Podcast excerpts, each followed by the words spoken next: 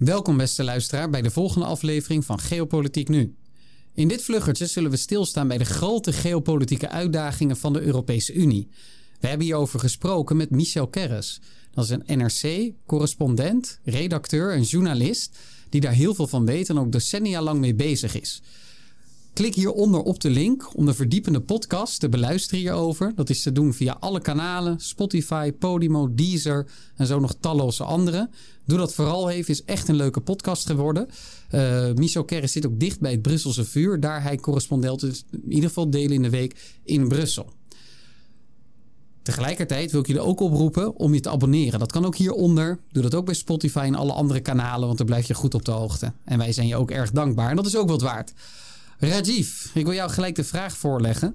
Voor welke uitdaging heeft de Poetin-oorlog ons eigenlijk gesteld? Nou, ons als Europese Unie. De Poetin-oorlog, de invasie van Oekraïne dat februari vorig jaar plaatsvond, was eigenlijk een koude douche. je moet je voorstellen, je slaapt lekker in je warme bed en er komt iemand met koud water over je heen. Dat is eigenlijk wat er is gebeurd. De Europese Unie, Europa. We zijn wakker geworden. We zijn heel, ja, op een hele shockend manier wakker geworden. We investeerden te weinig in onze defensie. We dachten, het komt wel goed. Gewoon puur focussen op handel. Door handel. Vredesdividend. Vredesdividend, de termen. Maar gewoon handel drijven komt het wel goed. Handel drijven met Rusland komt het goed. Nou, we, hebben nu, we zijn nu goed. Wat gebeurde al tijdens MH17?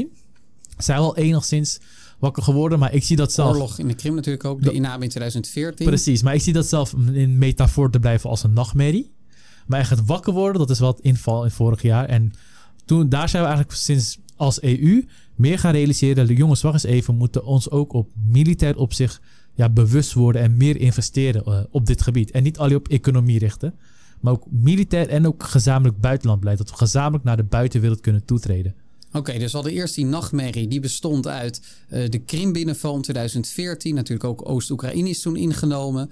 Die nachtmerrie bestond uit de MH17. Toen Nederland zich heel duidelijk realiseerde... Dit, met dit Rusland valt eigenlijk niet te dealen. Daarbovenop kwamen Brexit en ook uh, de verkiezing van Trump... die eigenlijk ook de Europese Unie dreigde en als concurrent zag... en als klaplopers. Gaf Michel Kerris ook heel, heel duidelijk aan. En toen werden wij vorig jaar in één keer wakker. De Europese Unie werd geopolitiek volwassen tenminste meer volwassen. Waar mondde dat in uit? Hoe toont de Europese Unie zich meer volwassen? Nou, op economisch uh, gebied waren we al echt volwassen. We zijn gewoon economisch een reus. Gaan we naar het buitenland, of iedereen gaat naar het buitenland vakantie, komt terug. Je merkt gewoon, Europa is gewoon welvarender. De, rij, de bedrijven zijn ook veel sterker, steviger, rijker. Dus daar zijn we al een reus in. En waren natuurlijk ook de regelzetter. Dus de Europese Unie kun je ook wel zien als de bureaucratie van de wereld.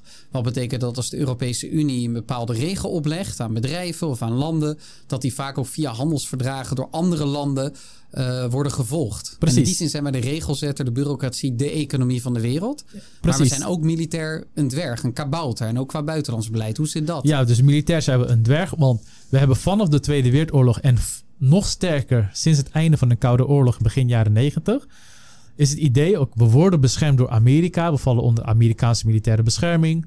Ja, de Sovjet-Unie bestaat niet meer, dus we, hebben, geen, we hebben geen agressieve vijand als buur.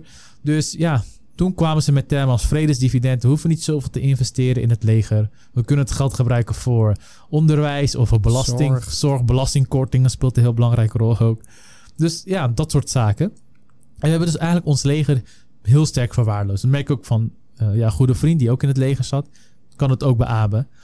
Ja, daar zijn we dus eigenlijk van wakker geworden van jongens. Het verhaal loopt niet helemaal zoals we hadden gedroomd. Pang pang roepen bij training is niet de beste voorbereiding op een gewelddadig Precies. conflict. Ja, een tijdje was dat ook zo. Nou, hoe uitzicht dat? Sinds de oorlog zijn we als lidstaten meer gaan investeren in het leger. Tuurlijk, elk land heeft zijn eigen tempo, maar we zijn dat pad gaan inslaan. Met als kers op de taart Polen, dat richting de 4% wil. Dat is, ik dacht zelfs 5, dat is echt extreem veel. En 5% van het BBP. Van het BBP. NAVO-norm is 2% van het BBP. Nederland zit op zo'n 1,4%. Duitsland op 1,2%. Dus zo'n beetje elk EU-land zit er ver onder. En daarom zijn we eigenlijk klaplopers. En daar hadden Obama in 2014 en Trump na 2016 zijn verkiezing heel veel kritiek op. En dat maakte ons ook duidelijk: moeten wij niet zelf garant staan voor onze veiligheid? Want Amerika's focus gaat naar de uh, Indo-Pacific. Nou, daar hebben we een podcast over gemaakt, de China-VS-podcast. En steeds minder naar Europa. Inderdaad, dus Amerika focust zich steeds meer naar Azië toe. Uh, we beluisteren vooral dat podcast, komt het heel uitvoerig aan bod. Maar ja, hoe Europa moest, zich moest reageren sinds de inval. En hoe we dat zien is dat de EU heeft een apart fonds opgericht. Had Michel Kerris uitvoerig uh, uitgelegd. Waarin miljarden in werd gedoneerd, gestopt. En de wapensleveranties aan Oekraïne worden vanuit dat pot betaald. Nou, waarom is het zo interessant? In de EU-verdragen staat duidelijk dat er niet aan wapensleveranties mogen worden gedaan. Nou, dat wordt dus toch gedaan. Wat dus niet strookt met de verdragen die we hebben getekend. Nou, daar hebben ze heel bureaucratisch, dat is ook echt EU-eigen, heel bureaucratisch een mooi oplossing voor bedacht om het buiten het verdrag te plaatsen, maar wel binnen het paraplu, binnen onder het beheer. Uh, dus daar, dat is ook een vorm van dat je ziet dat de EU reageert op dit soort, uh, ja, dit soort conflict. Volwassen wordt. Het volwassen wordt, ja. En ook met wapenleveranties, dat met name Nederland, had hij ook heel goed uit, uitvoerig uitgelegd. Uh, voorop staat in het leveren van wapens, tanks worden geleverd. En dat Nederland ook geïnstrumentaliseerd kan worden door Zelensky om ervoor te zorgen dat bijvoorbeeld Duitsland meer wapens gaat leveren aan Oekraïne. Want Duitsland is daar toch iets terughoudender in vanwege de Oostpolitiek van de SPD, huidige regeringspartij van Duitsland. En die levert zelfs de Bundeskanzelier. Dus dat Nederland ook op die manier echt eigenlijk boven zijn gewichtsklasse aan het vechten is, geopolitiek gezien, binnen de EU. Dat was ook interessant om zeker. waar te nemen. Dus economisch zijn we een reus. Qua buitenlandbeleid beginnen we echt de goede kant op te gaan. Want je ziet, ik denk dat niemand had verwacht dat de EU zo eensgezind zou zijn. Nou, dat is echt heel sterk. Buitenlands gebied zijn we daar ook steeds meer eengezinde in. Een reus aan het worden. Ja, militair gebied zijn we die pad aan het inslaan. Ik weet bijvoorbeeld nog, hebben we het niet gehad tijdens het podcast met Michel Kerris, maar Frankrijk heeft een paar maanden geleden echt een officieel beleid aangenomen. Ik ben ook het naam kwijt idee van het beleid is om een heel industrieel complex in Frankrijk op te zetten. Wat in korte tijd massaal wapens kan produceren à la Eerste Tweede Wereldoorlogstijl. Ja, dat lijkt dus, een eh, beetje ook of relateert heel erg aan wat uh, Michel Kerris autarkie noemt. En autarkie betekent eigenlijk zelfvoorzienendheid. Dus dat je je eigen producten kunt produceren. Vooral als het gaat om hoogwaardige technologie. En dat dat een van de grootste uitdagingen is voor de EU. Naast de oorlog in Oekraïne, die uiteindelijk een, waarschijnlijk een uitbreidingsgolf met zich meebrengt. Oekraïne, Moldavië worden waarschijnlijk op relatief korte termijn lid. Nou, dat resulteert uiteindelijk in hoe gaan wij goede besluiten nemen met weer twee nieuwe lidstaten. Dan zijn we met 29 lidstaten.